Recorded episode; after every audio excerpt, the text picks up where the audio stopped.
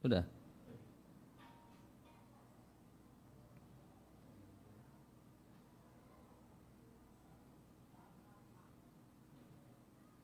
Tadi tadi kenapa tadi?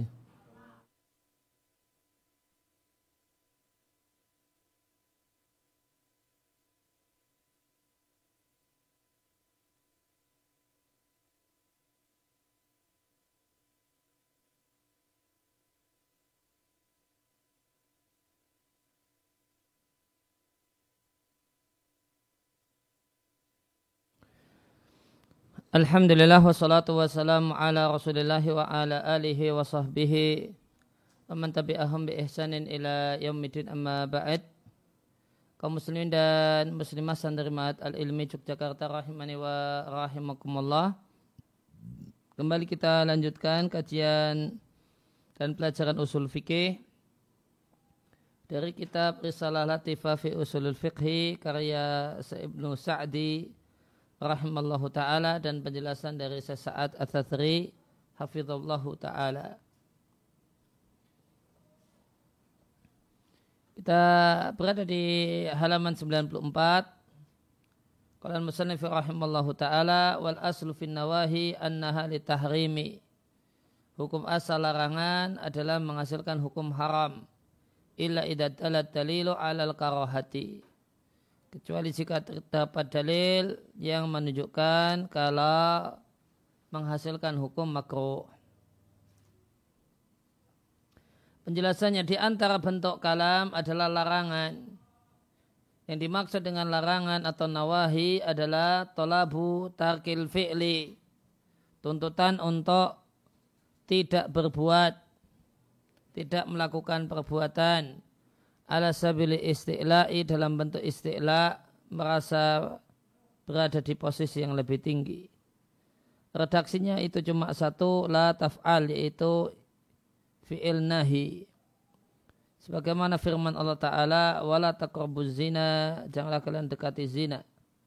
Wala taqtulun nafsal lati haramallahu illa bil haq.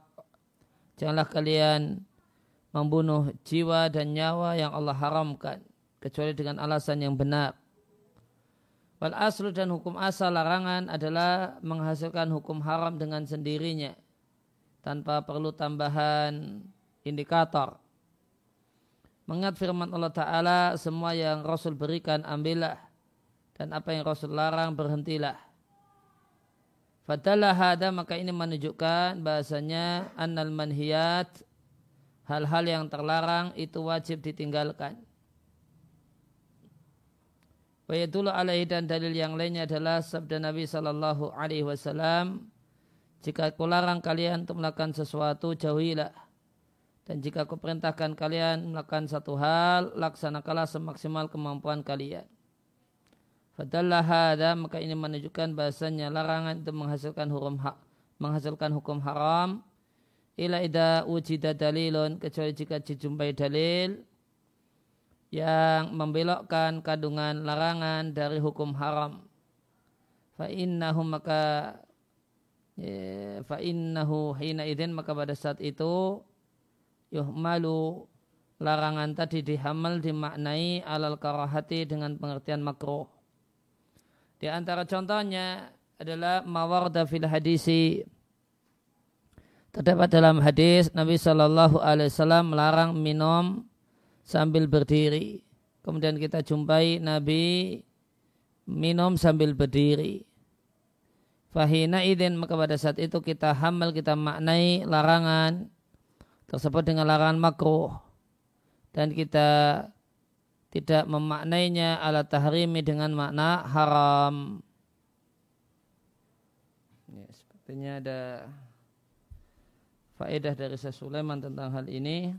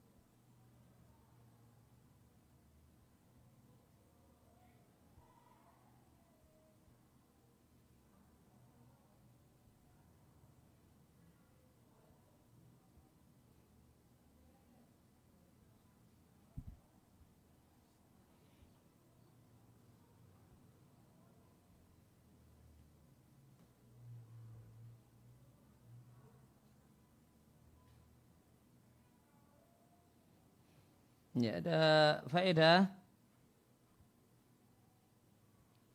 Di halaman 34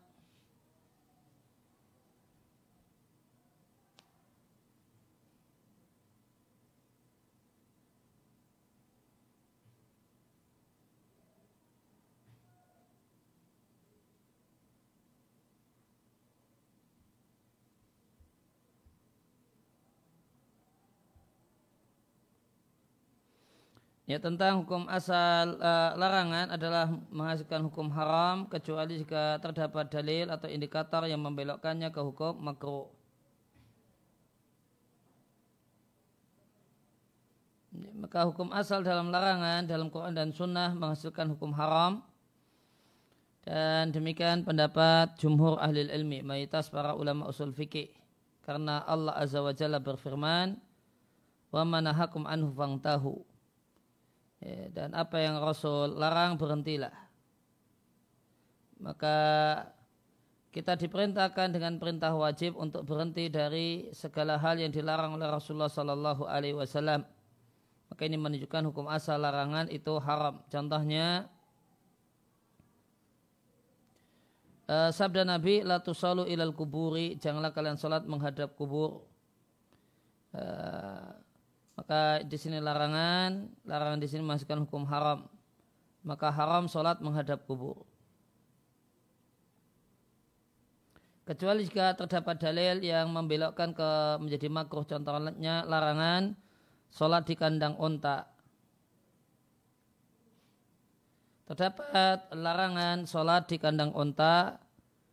Jumhur ahlul ilmi mayoritas para ulama mengatakan larangan di sini makruh bukan larangan haram. Ya, apa uh, sorifnya? Ya, kenapa jumhur mengatakan makruh? Kalau jumhur mengatakan karena Nabi bersabda di hadis yang lain dijadikanlah seluruh bumi untukku sebagai tempat sholat. Ya, seluruh bumi di sini mencakup kandang unta. E, maka kita kompromikan dua dalil ini dengan kita maknai larangan sholat di kandang unta, larangan makruh. Meskipun yang tepat, sabda Nabi ju'ilat li al-ardu, di situ dalil umum. Kemudian larangan sholat di kandang unta, ini dalil khusus. Sehingga kita dahulukan dalil yang khusus daripada dalil umum. Sehingga pendapat yang kuat, sholat di kandang unta hukumnya haram namun perlu diketahui bahasanya menurut jumhur ulama hukumnya makruh.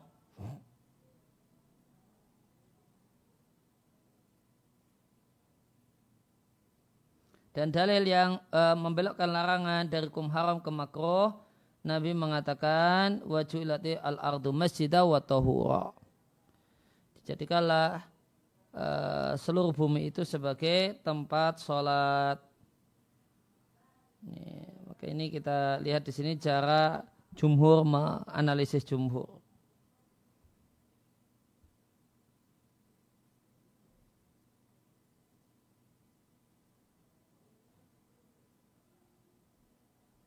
Nah, kemudian kembali ke buku di halaman 95. Eh, Qala al-musannif rahimallahu taala wal aslu fil kalami al haqiqatu hukum asal kalimat itu makna hakiki.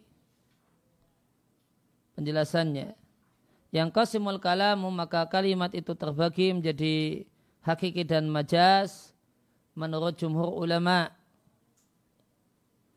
Wa yuradu dan yang dimaksudkan dengan hakiki adalah menggunakan kata fil makna alladhi wudi'alahu dalam makna aslinya. Contohnya adalah kata-kata asad terus tak malu digunakan dalam bahasa orang Arab dengan pengertian hewan yang menyerang. Maka jika ada seorang mengatakan Al-asadu malikul ghabah. Singa itu raja hutan. Fahina idin maka pada saat itu Ya, singa di sini adalah hakiki karena digunakan kata-kata asad pada makna Allah diwudi Allahu makna sebenarnya. Akan tapi jika kita gunakan kata-kata singa tidak pada makna sebenarnya, la yakunu hakikotan tidak hakiki, bal yakunu majaza namun menjadi majazi. Halaman 96. Wal majaz dan majaz adalah penggunaan kata tidak pada makna sebenarnya. Wamin amsilat tidak di antara contohnya seandainya ada orang mengatakan hari ini aku melihat Asad menyampaikan ceramah. Maka tentu akan menyanggalah orang yang menyanggah dan mengatakan di negeri kami tidak ada Asad, tidak ada teli, uh, singa. Maka kami katakan di sini perkataan asad tidaklah dimaksudkan dengannya makna hakiki. Namun yang dimaksudkan makna majazi yaitu ar-rajulu syuja' seorang pemberani.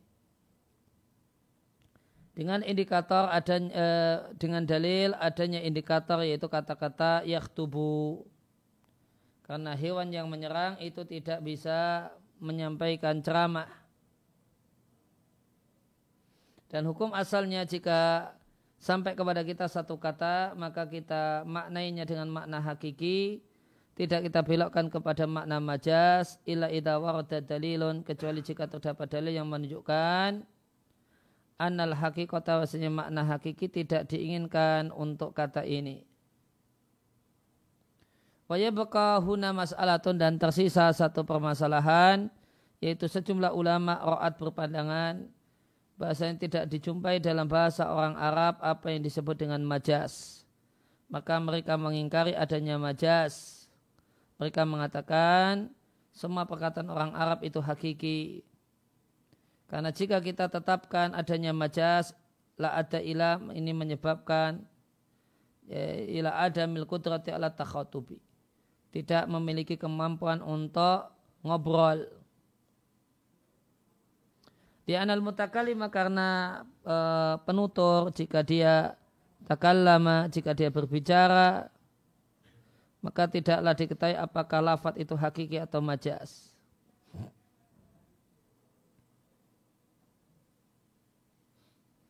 Kesimpulan dari sesaat tentang perdebatan masalah majas, wanadhiru fi aqwali ahli ilmi, nadhara fi tela'ah Siapa yang mentelaah perkataan-perkataan para ulama fi hadil mas'alah di dalam masalah ini, dia jumpai bahasanya masing-masing dari ulama memaksudkan satu hal yang berbeda dengan yang lain. Yang menetapkan majas berbeda yang diinginkan dengan yang mengingkari majas. Faman asbatal majasa ulama yang mengakui adanya majas nadhara ila lafzil mujarradi hanya memandang pada satu kata yang bersendirian. Ini lepas dari konteksnya. Contohnya kalimat itu asad dan yakhtubu. Kal ulama ini mengatakan digunakan kata-kata asad tidak pada makna sebenarnya yaitu hewan penyerang. Dan digunakan huna di sini kata-kata asad digunakan di sini dalam pengertian lelaki pemberani fayakunu majazan maka statusnya majas. Sedangkan ulama yang menolak majas, ya, maka yang anti majas mengatakan yang ban, uh, yang barilana sepatutnya kita itu melihat ilal jumlati kamilatan kalimat secara utuh. Bukan kata namun kalimat yang dilihat. Satu paket itu asa dan karena asad tubuh itu tidak mungkin digunakan untuk hewan penyerang. Karena asad tubuh tidak mungkin digunakan untuk hewan penyerang.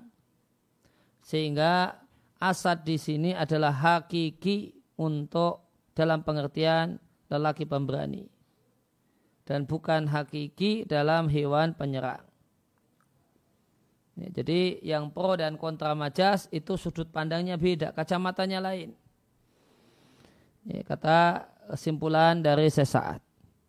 Jumhur ulama yang mengatakan adanya majas ya, melihat cuma melihat katanya, ya, dilepaskan dari konteksnya.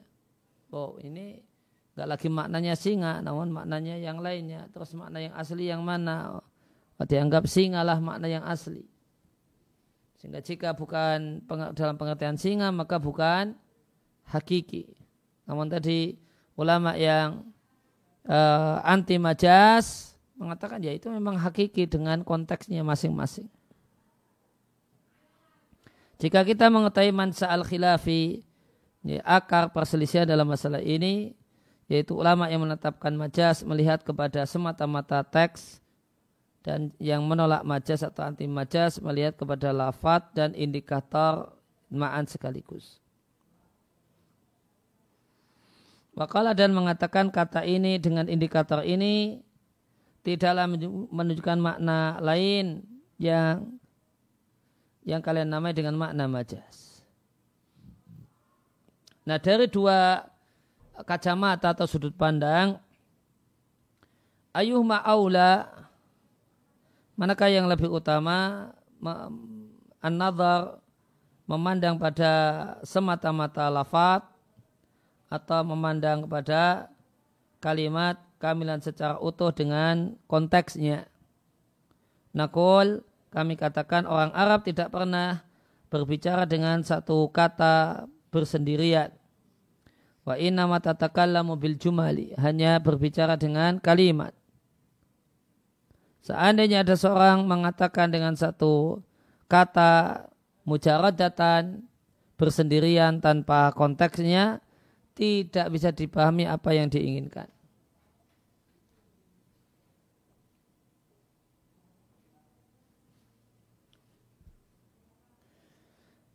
Halaman 98 wa min huna maka dari sini kita, kami katakan al aula yang lebih baik adalah kita memandang permasalahan ila jumlati mutakamilatan pada kalimat secara utuh. Fa'idakan kadzalika jika demikian maka kami katakan bi anal qaul al qail pendapat yang mengingkari adanya majaz dalam bahasa Arab itu lebih kuat dan lebih rajih karena orang Arab tidaklah berbicara dengan satu kata tunggal sendirian. Wa inna tatakallamu hanya berbicara dalam kalimat yang utuh. Tatakallamu bihadal lafdi berbicara dengan satu lafat yang kalian namai dengan majas ingda iktirani ketika dia bergandeng dengan indikatornya. Dan lafat yang majazi, yang dianggap majaz jika digandeng dengan indikatornya, sebenarnya dia adalah hakiki, namun hakiki dalam makna yang baru. Di catatan kaki disampaikan yang membela pendapat ini yaitu anti majas adalah pendapat yang diambil oleh Ibn Taimiyah, Ibn Al-Qayyim, bahkan Ibn Al-Qayyim menamai majas dengan sebutan tauhid di bab akidah asma wa sifat. Dan Syekh Amin As-Sangkiti juga roda membantah ulama yang mengatakan adanya majas di kitab beliau mudakirahnya dan di buku khusus man'i jawazil majazi.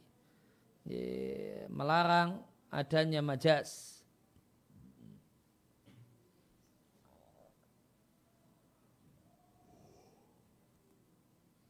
Nah, kemudian halaman 99. Maka satu kata tidaklah kita berpaling ilal majas kepada makna majas. Hinya kembali ke kalam.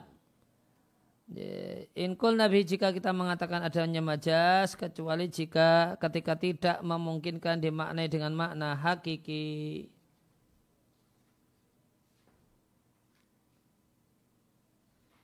Ya, uh, penjelasannya yakni idza ta'adzara jika tidak mungkin mustahil. Memaknai lafaz dengan makna hakiki maka pada saat itu kita maknai dengan makna majas. Semisal firman Allah taala dan diminumkan di dalam hati mereka al-ijl ya, anak sapi atau patung anak sapi. Mereka mengatakan hati tidak bisa menyerap patung anak sapi karena patung anak sapi adalah hewan atau ijel itu anak sapi, itu hewan. Bagaimanakah bisa masuk ke dalam jantung? Maka yang masuk adalah rasa cintanya. Ya, rasa cinta kepada penyembahan patung anak sapi.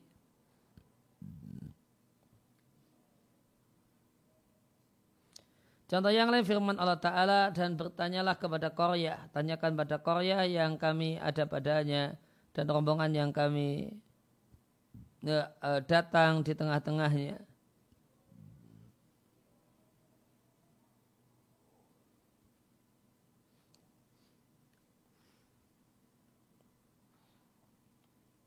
Kita lihat surat Yusuf ayat 82.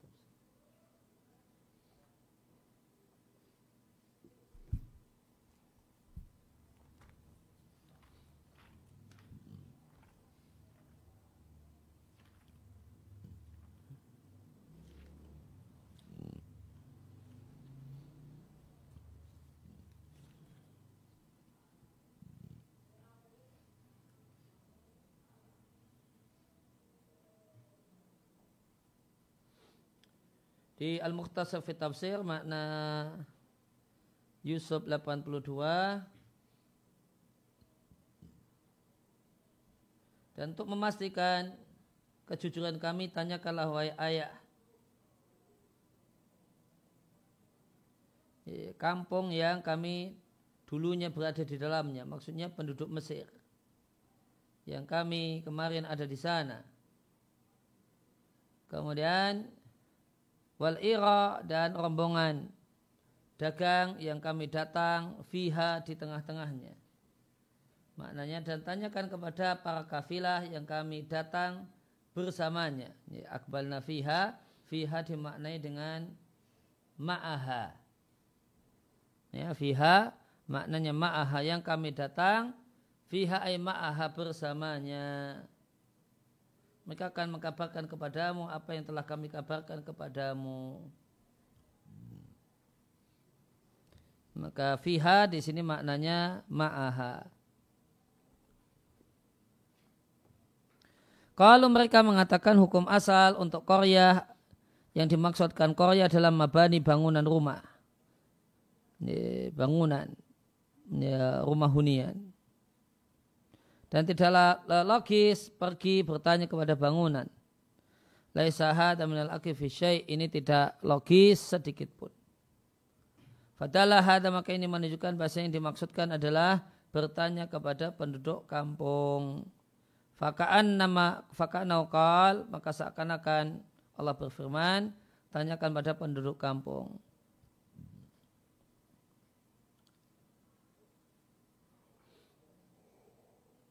Sedangkan pihak anti majas mengatakan bahasanya kata-kata Korea tidaklah digunakan dalam pengertian tempat hunian yang kosong. Karena pada saat itu ketika tempat hunian kosong itu namanya dalam bahasa Arab punya nama sendiri yaitu atlal. Puing-puing. Tidak disebut Korea. Ini nama hanyalah digunakan kata-kata Korea untuk bangunan plus para penghuninya. Maka pada saat itulah mereka mengatakan bahasanya firman Allah Ta'ala was'alil Korea itu makna Korea di situ makna hakiki. Kemudian la Buddha haruslah dalam majas min ayakuna harus ada bersamanya indikator yang menunjukkan kalau makna hakiki itu tidak diinginkan. Wala Buddha dan haruslah ayakuna huaka ada hubungan kebahasaan antara hakiki dan majas. Maka untuk uh, syarat majas sebagaimana di pelajaran ilmu balaghah karena ini aslinya adalah otoritas ilmu balaghah, syarat majas itu ada dua. Pertama harus ada indikator yang menunjukkan bahasanya makna hakiki tidak dikehendaki, kemudian harus ada ilaqah uh, hubungan kebahasaan antara makna hakiki dan makna majas. Contohnya tadi ra'aitu asadan yaktubu fil masjid maka indikator bahasanya asad di sini bukan hewan buas adalah yaktubu fil masjid. Dan ini makna majasi ini dengan makna hakiki harus memiliki hubungan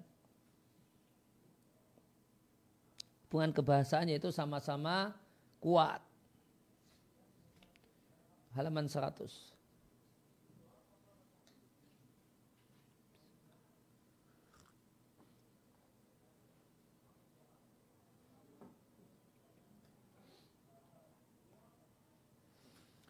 Ya, wal haqaiqu thalathun dan makna hakiki itu ada tiga macam. hakiki menurut syariat, menurut bahasa dan menurut budaya. Fama hakama bisyari maka segala putusan yang diberikan oleh pemilik syariat dan wahaddahu dan pemilik syariat telah membatasinya telah memberikan batasan batasan maka wajib mengacu kepada batasan yang telah diberikan oleh syariat.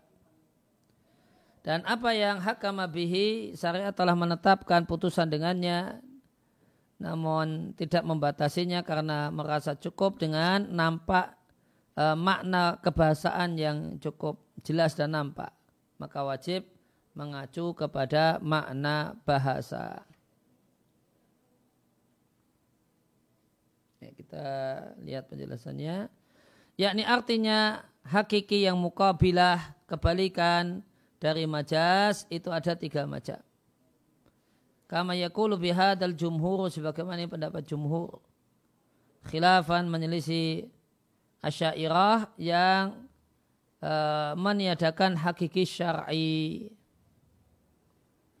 Ini kata beliau, asyairah itu punya pandangan uh, menolak adanya hakiki syar'i, makna hakiki menurut syariat. Maka ada tiga makna hakiki yang pertama hakiki menurut syariat. Ya, fama hakama bisyari wa haddahu yakni artinya hukum syariat itulah hakiki adalah hakiki syar'i. Yang dimaksud dengannya adalah istiqmalu syar'i penggunaan dalam teks-teks syariat untuk satu kata.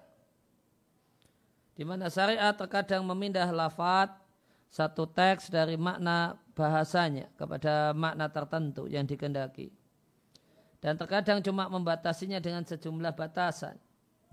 Contohnya kata-kata zakat. Fa'ina zakat maka zakat dalam bahasa Arab maknanya toharah, kebersihan. Sebagaimana firman Allah Ta'ala, Qad aflah man zakaha, sungguh beruntung orang yang membersihkannya.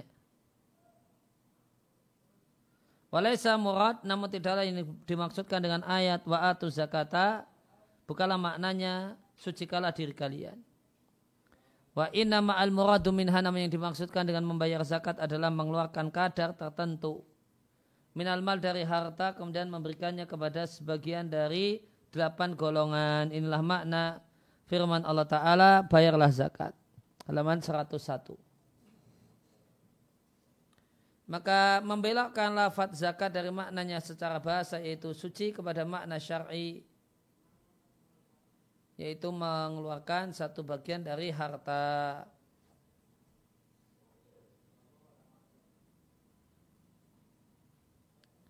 Kemudian uh, hakiki lughawi. Ya, yakni artinya anna hunaka hakikotan di mana ada makna hakiki secara bahasa. Ya, semisal penggunaan kata-kata zakat dalam pengertian bersuci. Di antaranya adalah firman Allah Ta'ala wal budna dan onta kami jadikan bagi kalian e, bagian dari syiar agama Allah bagi kalian fiha khair terdapat padanya kebaikan yang besar maka kata-kata budna jamak dari budna uh, lam ya'ti bihadun syar'iyun tidak terdapat definisi dari bahasa maka kami tafsirkan dengan maknanya secara bahasa Wamin amsilati dzalika dan di antara contohnya adalah mayoritas tek-tek sifat kita tafsirkan dengan maknanya secara bahasa.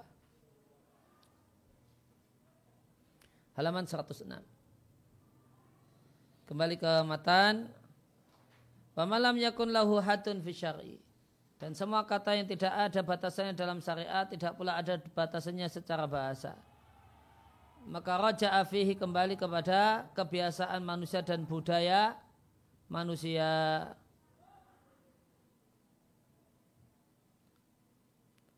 Ya. Penjelasannya macam yang ketiga al hakikatul urfiyatu hakikat urfi.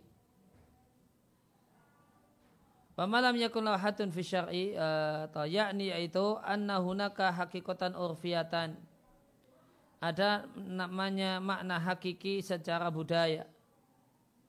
Ta'arfa an-nasu alaiha. Masyarakat sudah terlanjur terbiasa dengannya.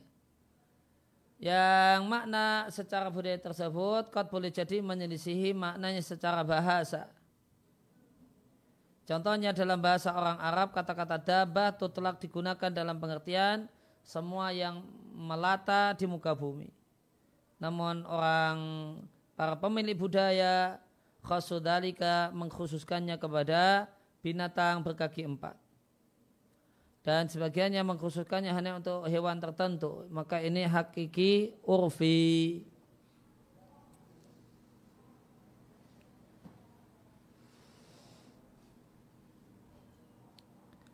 Wal khulasa kesimpulannya ana majaha asyari ubihi semua yang dibawa oleh syariat lantas syariat meletakkan baginya batasan maka kami naltasimu komitmen dengan batasan tersebut. Maka kita komitmen dengan batasan atau pengertian tersebut.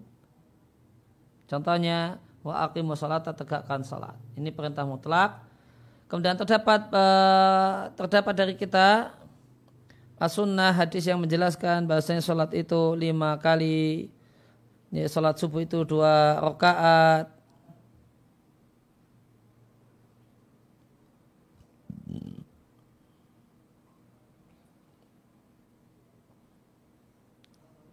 Hada taqyidun ya. Apa itu? Wahidun. Hmm? Oh wahadun. Wa ana salat al-fajr rakaatani, salat subuh itu dua rakaat. Hada taqyidun wahadun. Ini adalah ya, takyid, pembatasan atau pemberian kriteria, wahadun dan definisi atau pengertian. Famaja amin al-fadhi syari maka semua lafad dari syariat mutlakkan seluruhnya kita mengacu pada lafad-lafad tersebut pada syariat. Hal qida tilkal alfadu apakah lafad tersebut mendapatkan kait jika kita tidak jumpai dalam syariat uh, takyidan laha uh, kriteria tambahan yang diberikan Rojakna maka kita mengacu pada bahasanya orang Arab. Nah, dan jika kita tidak jumpai lil lafdi takyidan uh, uh, pemberian kriteria untuk satu lafaz tidak dalam syarat tidak secara bahasa maka kita narji'u ila a'rafin nasi kullu zamanin bihasabihi. Maka kita mengacu pada budaya manusia setiap zaman sesuai dengan kondisinya masing-masing. Mithalu dalika contohnya disyaratkan untuk adanya hukuman potong tangan dalam pencurian harta yang dicuri qad akhoda atau ukhida min hirzin. Harus dijaga dari tempat penyimpanan. Dan hirzu adalah tempat yang uh, adatan menurut kebiasaan biasanya harta itu disimpan padanya. Wahadal hirz dan ini ini penyimpanan tidak terdapat tahdituhu batasan bakunya dalam bahasa orang Arab tidak pula dalam syariat. Wabitali pada gilirannya kami katakan kita mengacu pada budaya masyarakat. Fama hafidhan nasu maka tempat-tempat yang manusia pakai untuk menyimpan harta ya mereka gunakan untuk menjadikan kan harta adatan secara kebiasaan Fa'inana hina idin maka pada saat itu kami katakan ini adalah uh, penjagaan untuk benda tersebut. Min anwa ilma dari berbagai macam bentuk harta. Dan ser, uh, uh, perlu kembali ke atas. Ya. Waqat yusarihu syari'u dan syariat telah menegaskan. Ya, dengan me mengkaitkan perkara ini kepada budaya ya, mengacu pada budaya semacam amar ma'ruf dan nahi mungkar dan semacam itu. Maka hafalah baik-baik kaidah-kaidah ini allati yutaru ilaiha al-faqih yang menjadi kebutuhan sangat vital bagi ahli fikih dalam setiap tindakan fikihnya.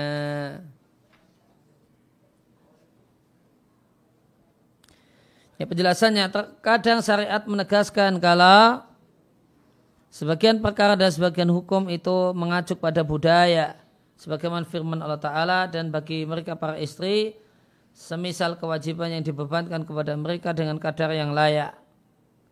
Dan firman Allah Ta'ala dan wanita-wanita para ibu menyusui anaknya dua tahun sempurna. Bagi siapa saja yang ingin menyempurnakan penyusuan.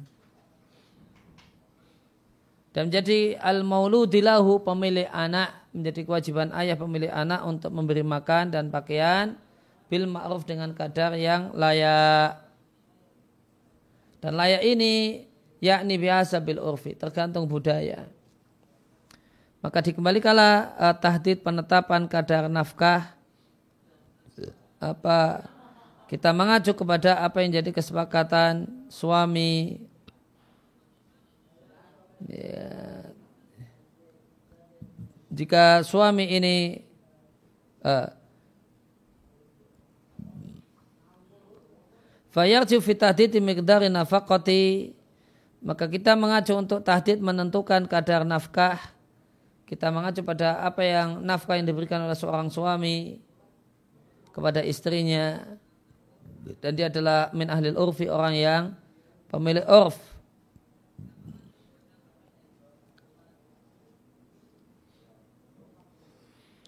Dan masih terdapat banyak hal yang lainnya yang dipakai oleh syariat, kemudian uh, hukumnya mengacu kepada budaya. Ini dalam dataran praktek, kemudian mengacu pada budaya.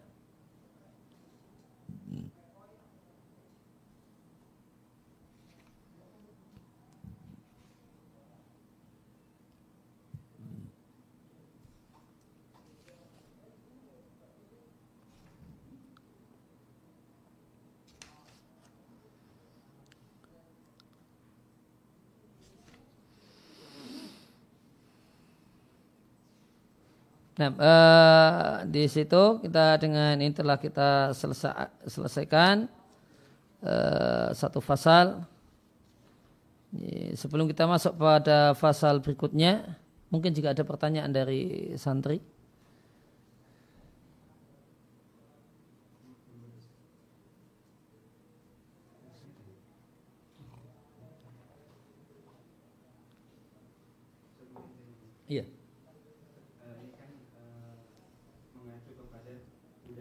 Iya. Budaya kan uh, adalah uh, sesuatu yang diciptakan oleh manusia. Jadi kesepakatan bersama. Iya.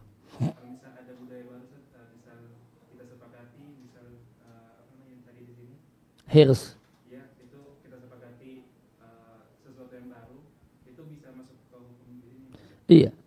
iya. Seandainya hirsnya berubah, berubah. Jadi tadi Contoh yang diserahkan kepada budaya hirz ya, untuk bisa hukuman potong tangan dalam kasus pencurian dicuri dari tempat penyimpanan. Nah, tempat penyimpanan itu berbeda-beda kembali kepada budaya. Dan budaya nanti itu nanti akan melihat uh, banyak faktor. Mana itu tempat penyimpanan di antara faktornya faktor kualitas keamanan. Ya, kalau di masyarakat yang lingkungannya aman, nanti harusnya itu longgar. Ya, ya, tempat penyimpanan itu longgar. Boleh jadi sandal bagus itu cukup di teras. Itu sudah tersimpan itu. Siapa yang ngambil sandal di teras, dia telah mengambil sandal dari tempat penyimpanannya. Ya, tapi kalau uh, ya, kalau kita pindah ke tempat yang lainnya, ya, daerah rawan pencurian, ya, yang boleh di teras itu cuma sandal jepit, itu pun pakai syarat sandal jepit jelek. Ya, sandal bagus kalau di teras itu namanya sembrono. Teledor. Nah kalau teledor maka diambil orang. Ya orang tersebut salah ngambil bukan haknya. Tapi tidak bisa dikena potong tangan. Ya, karena orang ini teledor tidak nyimpan di tempat sewajarnya. Ya, nanti di uh, ya maka kualitas keamanan mempengaruhi. Ya, ketika kita tinggal di satu pulau kecil gitu,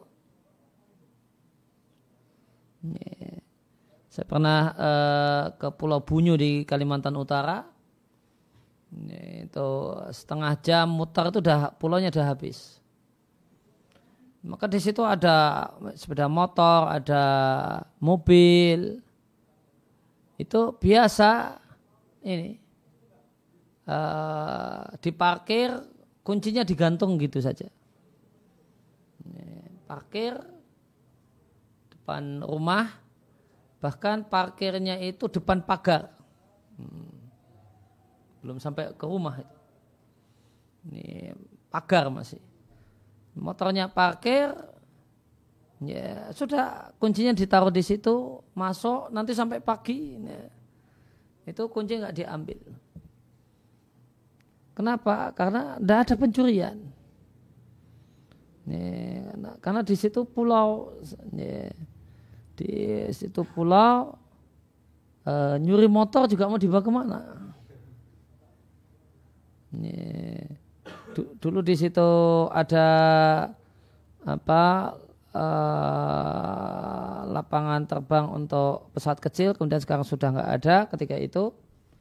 Jadi cuma ada ya apa e, lewat ini, lewat e, lewat speedboat. Ya, maka kalau ada coba-coba mau nyuri motor bagus ya tinggal hubungi teman di ya, di speedboat. Ah, ada nggak motor ini? Udah jelas ketangkap. Ya, maka nanti budaya berubah, berbeda, bukan berubah ya, berbeda. Di daerah rawan demikian, di daerah aman demikian. Demikian juga Eh, dipengaruhi juga oleh penilaian masyarakat terhadap satu barang. Hmm. Maka ketika tan uh, tanaman A, ketika belum heboh, harganya masih murah, ya taruh-taruh saja di halaman, ya tidak masalah. Itu sudah terjaga. Itu sudah di tempat penyimpanannya. Ngambil, ya yaitu mencuri yang berat untuk dihukum. Tapi kemudian ada orang yang mempermainkan harga tanaman, maka tanaman A itu sekarang berubah. Satu batang kecil satu juta misalnya. Maka karena penilaian masyarakat berubah terhadap terhadap barang itu, maka yang semula itu aman itu uh, sudah di tempat penyimpanan yang wajar di di halaman rumah kemudian berubah di daerah tersebut jadi berubah karena ada permainan di dunia pedagang. Jadi berubah itu. Ini teledor kalau ditaruh di situ. Terus di dalam rumah ini harganya satu juta ini. Kecil kayak gini satu juta ini besar gede jadi dua juta. Taruh di sini itu namanya mancing orang untuk ngambil. Gitu. Jadi ringkasnya uh, budaya itu sebenarnya kalau kita perhatikan uh, dipakai oleh syariat sebagai alat bantu. Ini, dipakai dalam hukum syariat sebagai alat bantu. Ini, alat bantu dalam masalah mengamalkan satu aturan.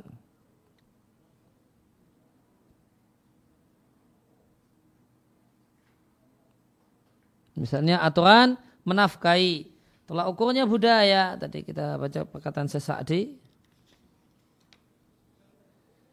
Wa alal mauludillahu menjadi berdasarkan ayat jadi kewajiban pemilik anak memberikan rezeki rezeki di situ artinya makanan untuk istri wa kiswatuhunna dan pakaian untuk istri bil ma'ruf dengan kadar yang patut. Patut di sini wajar biasa bil urfi menurut budaya. Ya, maka ya, dikasih makanan demikian ini sudah patut untuk istri sudah patut ataukah belum itu ya, mengacu pada budaya. Ya, kalau budayanya nas, eh, makanan itu nasi ya nasi. Di tempat yang lainnya ke eh, sagu ya sagu. Di tempat yang lainnya sudah patut itu dicukup dengan tiwul ya tiwul gitu. Maka itu rizkuhunna bil ma'ruf. Kemudian nasinya berapa on? Se dalam sehari berapa kilo? Itu yarji fi tahdidi miqdarun nafaqah maka eh, mikdar kadarnya mengacu pada budaya. Ya, kalau ya dikasih ya dijatai beras sama suaminya eh, satu hari ya, anggap saja ya, cuma si istri itu cuma istri satu orang dikasih jatah satu kilo ya, sudah banyak untuk perempuan. Ya Ya, karena makan nasinya sedikit, ngemilnya banyak. Nah, ya, maka sekilo sudah banyak. Maka kadar nafkah mengacu pada ma yunfiku azauju min ahlil urfi ala zaujati. Ya, kembali kepada nafkah yang diberikan oleh suami sebagai orang yang ahlul urfi ya, kepada istrinya. Ya, maka uh, jadi status budaya dalam hal ini sebagai alat bantu untuk uh, dataran praktek real. Tidak di teori hukum wajib ngasih nafkah gitu kan teori hukumnya. Ketika dibawa ke lapangan nafkahnya berupa apa uh, uh, masih diatur oleh syariat berupa makanan berupa pakaian. Nah, makanannya uh, seperti apa yang patut Makanan yang patut itu seperti apa? Tanya budaya. Ya, dalam bentuk ini sagu, roti, nasi, tanyakan budaya. Sekilo, dua kilo, tiga kilo, tanyakan budaya. Ada pertanyaan dari, dari santri?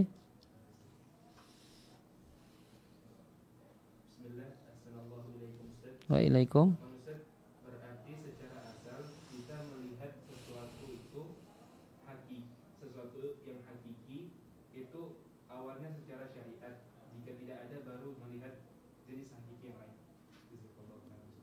Uh, jika kita membaca teks ya, membaca teks syariat ya yaitu ayat Al-Qur'an atau hadis Nabi, maka pertama kali yang dilihat adalah uh, dari syariat.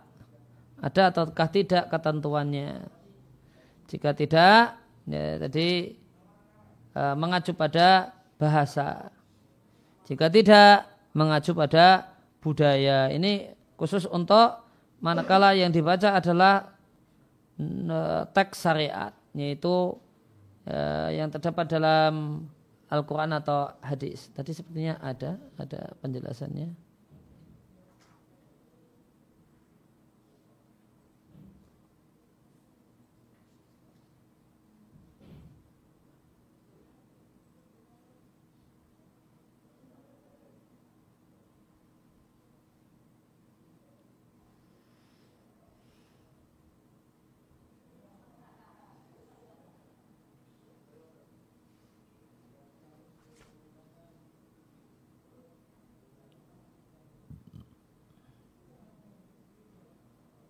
Nah, tadi di di halaman 102 eh, di paragraf kedua dari di sarahnya wal khulasah kesimpulannya ana maja asyari bihi. Ya, jika sesuatu yang dibawa oleh syariat berarti itu teks Al-Quran dan hadis. Kemudian syariat meletakkan batasan untuknya maka kita komitmen dengan batasan tersebut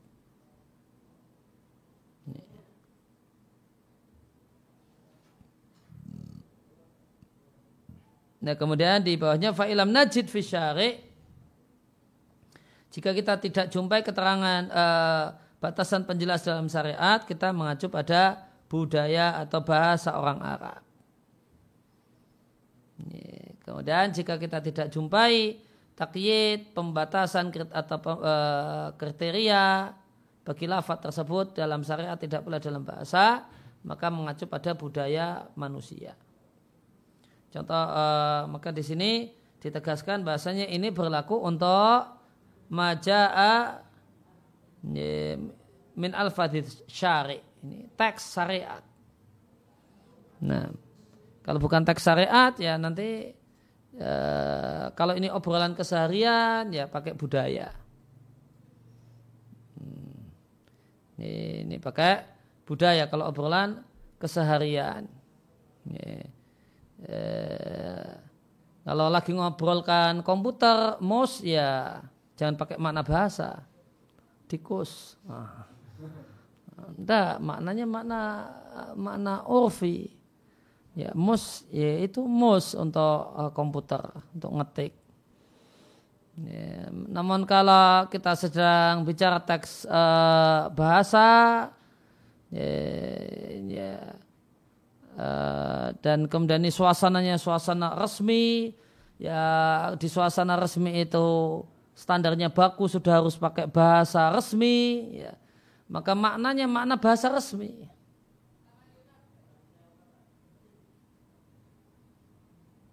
Gitu. Ada yang lain?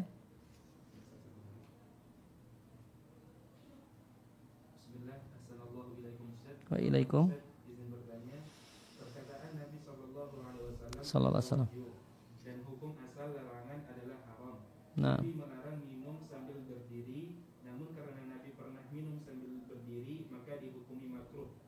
Yeah. makruh artinya dibenci, dibenci, maka apakah hukum makruh atau dibenci tersebut hanya berlaku bagi umat beliau atau berarti juga beliau pernah melakukan perbuatan yang makruh? Eh,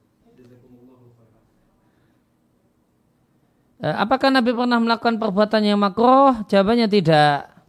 Karena untuk Nabi itu uh, bisa jadi wajib. Ya, wajib lil bayan untuk menjelaskan. Karena penjelasan bahasanya hukumnya itu makroh tidak bisa terwujud misalnya penjelasan. Nah, penjelasan bahasanya hukumnya itu makroh. Penjelasan hukum A itu makroh itu tidak bisa terwujud kecuali dengan tindakan Nabi ya, satu ketika melanggar. Berbeda dengan apa yang beliau katakan.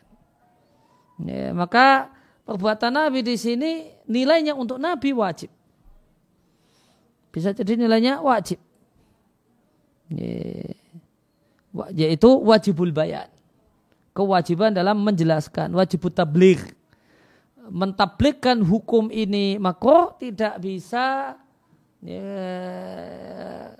ya tidak bisa terwujud kecuali dengan Nabi minum sambil berdiri. Maka minum sambil berdiri untuk Nabi tidak mako. Minum sambil berdiri untuk Nabi hukumnya wajib. Beliau dapat pahala wajib. Beliau dapat pahala wajib. Ya, hukum mako untuk kita. Nah. Ada lagi? ya. Bismillah, Assalamualaikum Ustaz. Izin bertanya bagaimana mengetahui adanya hubungan antara makna hakiki dengan makna majaz supaya tidak terjadi kesalahan dalam memaknai.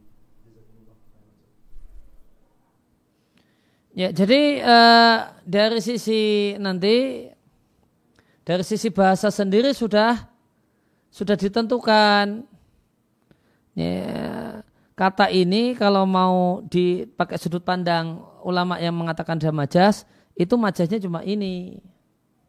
Dan ini nanti beda-beda tergantung bahasa gitu. Beda-beda tergantung bahasa.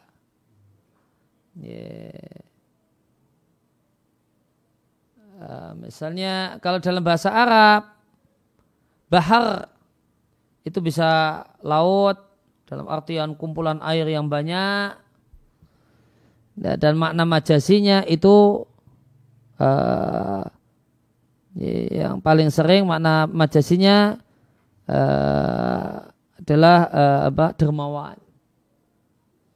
Sudah paket jadi bahar itu laut kalau enggak dermawan. Asad itu singa atau pemberani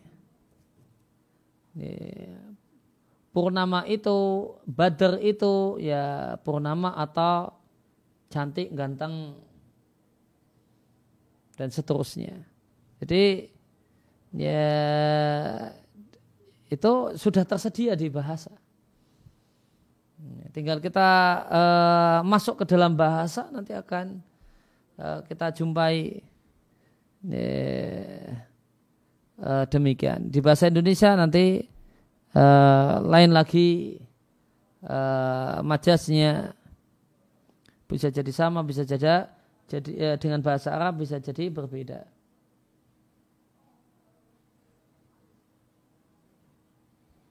Kemudian kita lihat uh, di sarannya Syekh Sulaiman.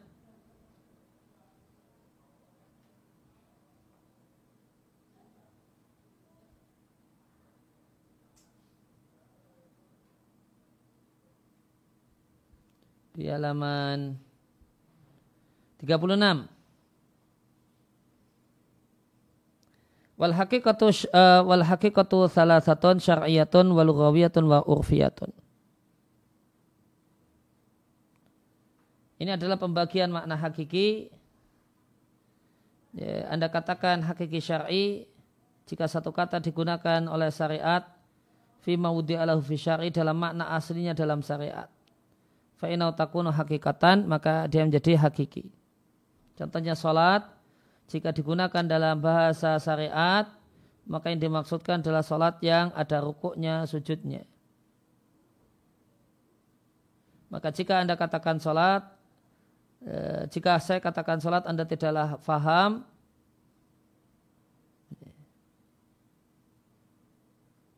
kecuali sholat yang punya rukuk dan sujud.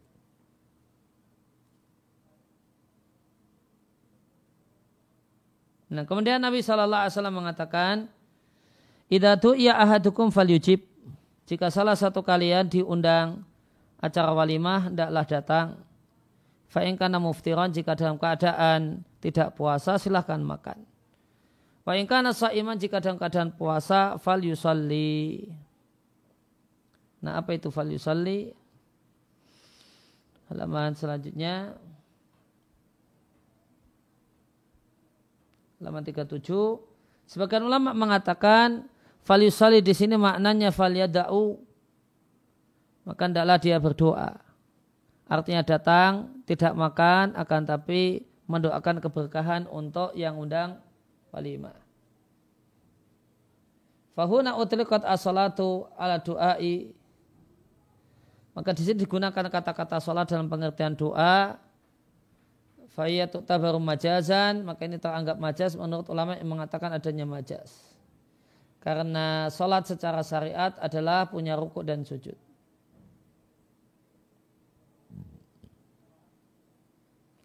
Namun kata Syekh Sulaiman, wasahih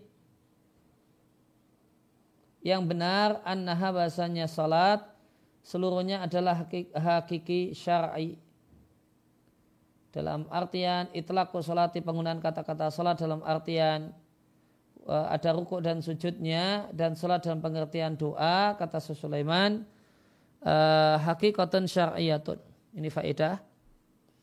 Faedahnya di sini. Penjelasan dari saya Sulaiman uh, as-sholat dalam pengertian sholat yang punya ruku dan sujud atau dalam pengertian doa itu dua-duanya adalah hakikatun syar'iyatun. Adalah hakiki syar'i cuma yufhamu bihasabis siyaqi. Ya, dipahami berdasarkan konteksnya. Di konteks ini salat di situ artinya doa, di konteks yang lainnya ya sama, masih teks syariat, salat diartikan salat uh, yang dibuka dengan takbiratul ihram dan diakhiri dengan salam.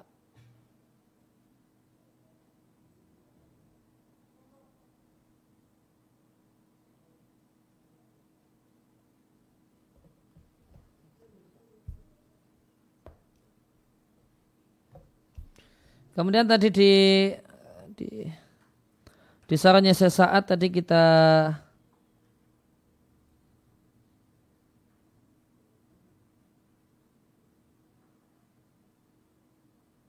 Kita baca di halaman 100.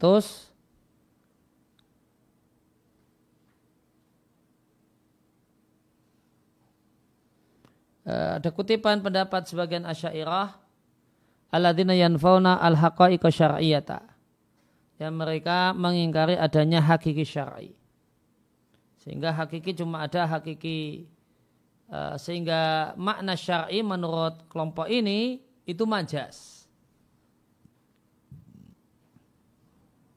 Karena makna hakikinya sekedar hakiki uh, lugawi hakiki menurut bahasa dan menurut budaya apa kemudian mereka mengingkari makna syar'i? Indah ya menerima namun statusnya statusnya adalah majas.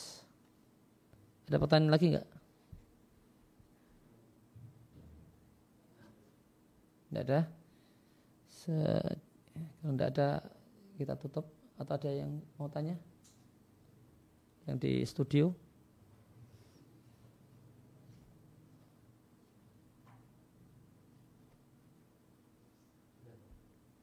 Enggak ada.